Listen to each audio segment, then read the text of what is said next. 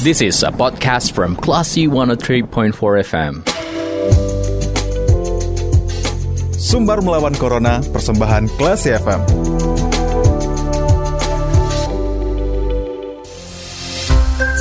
empat Kelas FM, this is the actual radio. Kelas People, saat Anda mencermati Sumber Melawan Corona, persembahan radio Kelas FM bersama saya Dita Indira.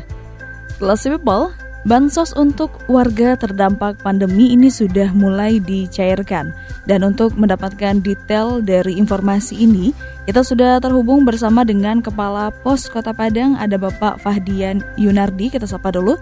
Assalamualaikum Pak Fahdian. Waalaikumsalam warahmatullahi wabarakatuh. Selamat sore.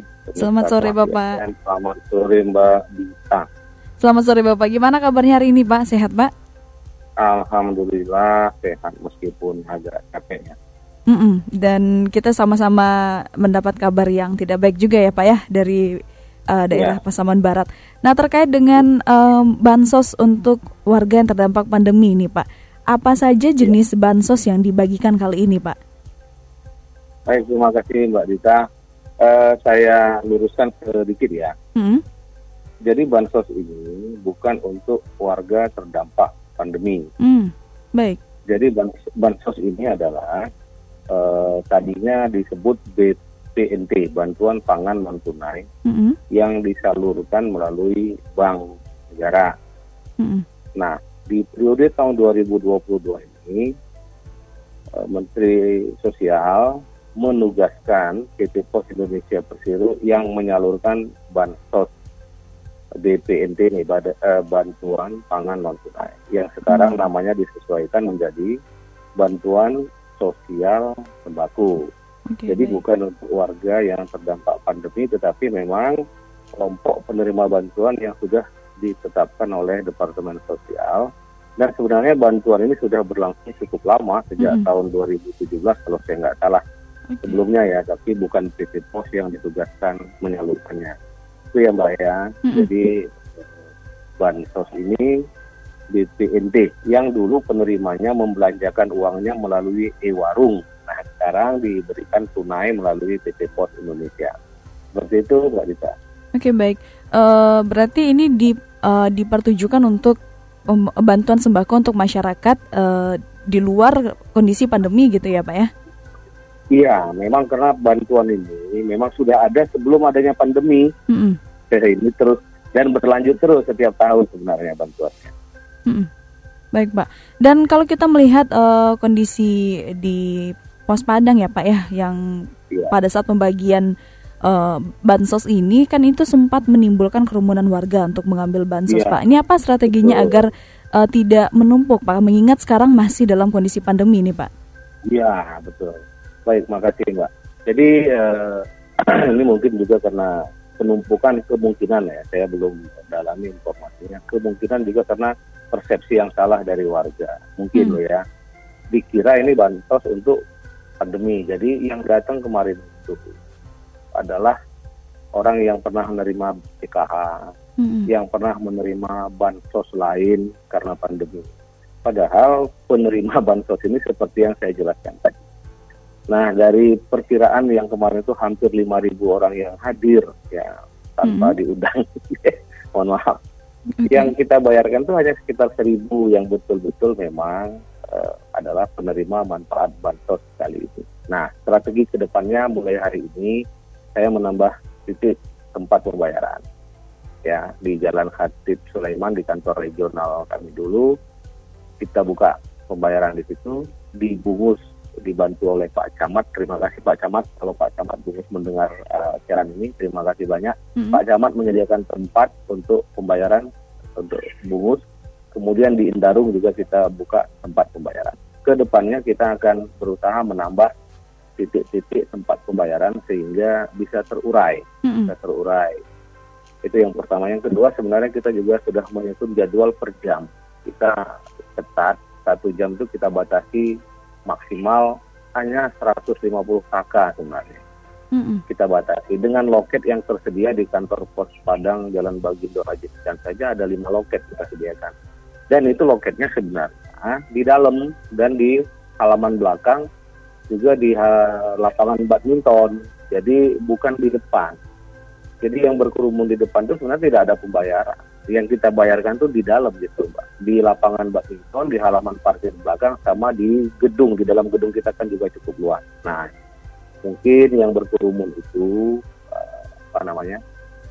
Oh, ya itu tadi yang sebenarnya bukan untuk untuk untuk bansos pandemi gitu ya. Mm-hmm. Kemudian ini sebenarnya saya juga nanti sebentar lagi sudah janji mau ketemu Pak Pak Pak Kabak Ops dulu, Kabak Polres untuk ini ya uh, tindak lanjut ke depan lah ya kita butuh dukungan dari kepolisian juga walaupun sebenarnya sudah koordinasi ya sudah koordinasi. Jadi petugas kepolisiannya berjaga di dalam, Mm-mm. dalam karena memang di dalam yang ada penyaluran. Tapi nanti untuk mengantisipasi supaya tidak terjadi penumpukan, kita akan menghadap Pak Kabak kemungkinan nanti juga bisa dibantu dijadwalkan untuk ketemu Pak Pak Polres, Pak apa Pak di supaya eh, bisa lebih. Saya juga berencana Mm-mm. meminta dukungan dari Pemda. Ini kan akan berlanjut terus ya bansos ini, Mbak. Mungkin Sampai April kapan, nanti mungkin akan ada.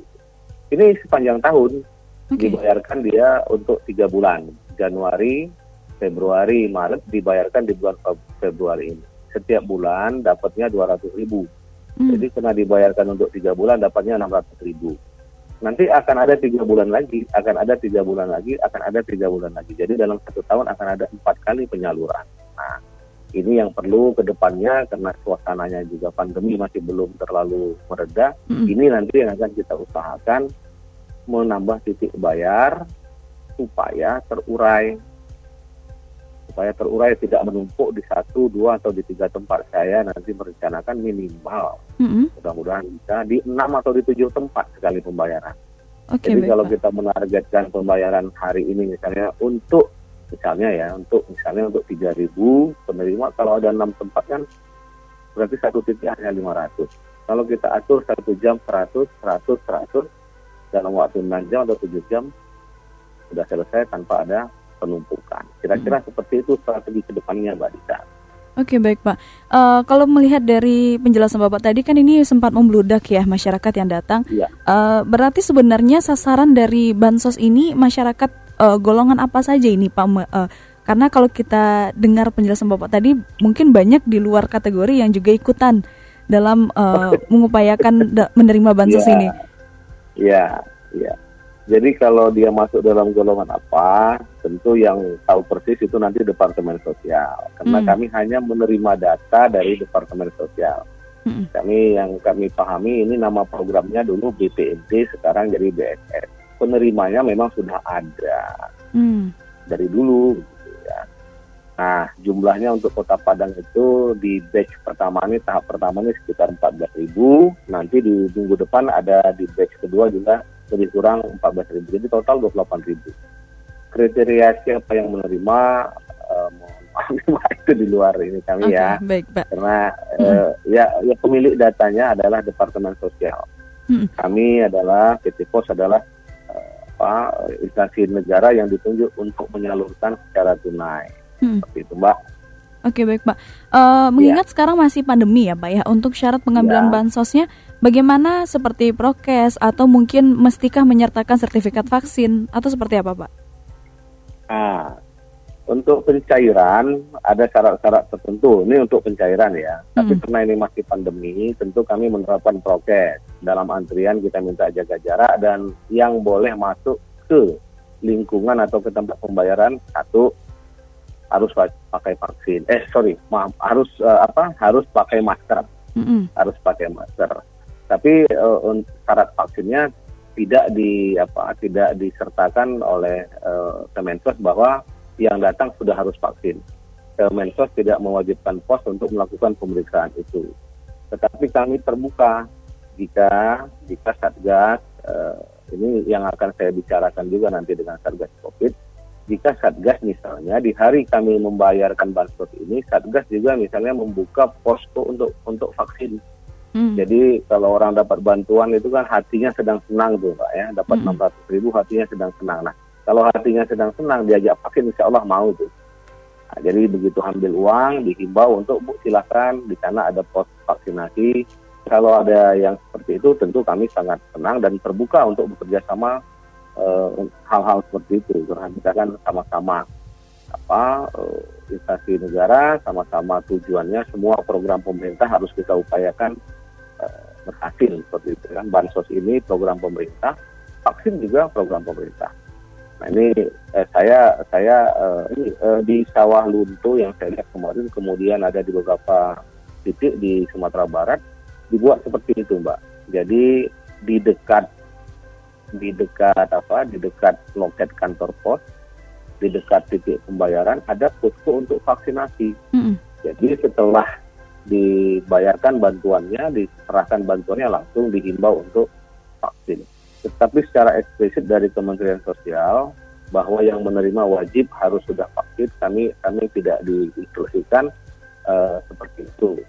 Jadi dalam pembayaran penyaluran bantuan sosial ini, Mbak, PT Pos Indonesia Persero ini ya patuh kepada SOP yang ditetapkan oleh Kementerian Sosial. Kira-kira seperti itu. Kami tetap terbuka untuk Hmm. bekerja bersama dengan pihak mana pun demi suksesnya semua program pemerintah.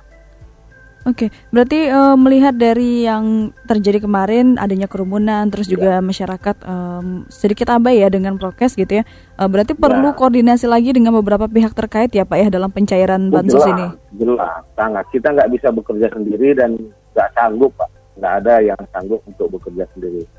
Kita akan terus eh, berusaha berkoordinasi. Nah ini kebetulan di ruangan saya ada teman-teman dari Dinas Provinsi. Kita terus intens ya membicarakan apa mengevaluasi harian besok sebaiknya seperti apa Mhm. seperti itu kira-kira seperti itu Oke baik Pak. Terakhir ini Sayangnya Pak. kan tadi ada musibah gempa Mm-mm. kita kan Nah, iya, baik. Saya- niatnya mau saya dengar Pak Gubernur sudah berangkat sini Mm-mm. Cepat Nah, terkait dengan gempa ini Pak, eh, yang tadi pagi ya Pak ya di Pasaman Barat. Iya. Nah ini bagaimana pencairan bansos untuk wilayah Pasaman Barat jadinya Pak?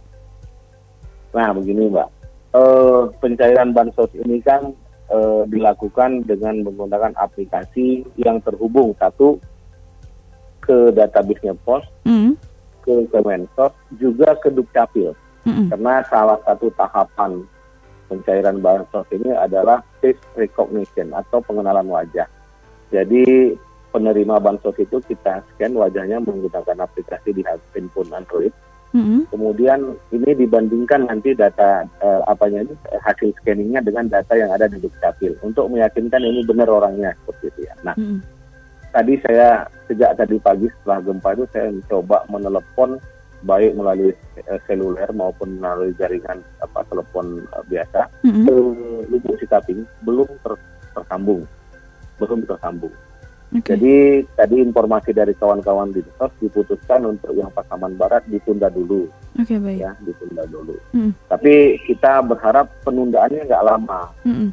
penundaannya nggak lama. Siapa tahu ya, siapa tahu di antara yang korban gempa itu juga adalah penerima bantuan dan mereka butuh kan seperti itu, Iya benar sekali. seperti itu. Oke, oke baik Pak, kita sudah dapat informasinya Pak. Em, dan terima Ya. kasih Bapak sudah menyempatkan waktu bersama kita untuk berbagi informasi terkait Saya dengan bansos ini. berterima kasih kepada Radio Klasi. Oke, baik Eh, Bapak. mudah-mudahan bisa membantu meluruskan informasi bahwa apa, bantuan sosial ini bukan untuk yang terdampak Mm-mm. pandemi, Mm-mm. tapi adalah untuk penerima BPNT di sebelumnya yang selama ini mengambil bantuan melalui e-warung. Mm-mm. Nah, ini kalau boleh di apa kan Mbak disampaikan ke masyarakat supaya tidak perlu berduyun-duyun datang ke kantor pos karena ini memang bukan bantuan yang sama seperti eh, tahun lalu yang masih ada bantuan COVID seperti itu. Kira-kira seperti itu Mbak ya. Saya Oke. berterima kasih kepada Klasi yang udah udah memberi kesempatan saya untuk untuk apa? Untuk mau mau men-share informasi ini. Oke baik sama-sama Pak kita saling eh, ini ya Pak ya saling berbagi informasi dan Tentu saja. dan terima kasih Pak atas informasi dan waktunya. Em, selamat melanjutkan aktivitas Pak Fahdian. Terima kasih Mbak Dita. Selamat sore. Selamat sore. Waalaikumsalam warahmatullahi wabarakatuh. Baik, kelas people demikian perbincangan kita bersama dengan Kepala Pos Kota Padang Bapak Fahdian Yunardi terkait dengan eh, bansos yang diperuntukkan untuk warga Kota Padang dan sekitarnya. Kalau gitu saya ditendira kita ke program selanjutnya. Terima kasih. Anda sudah mencermati program Sumber Melawan Corona. Cermati podcast obrolan ini di www.classyfm.co.id atau download aplikasi Classy FM.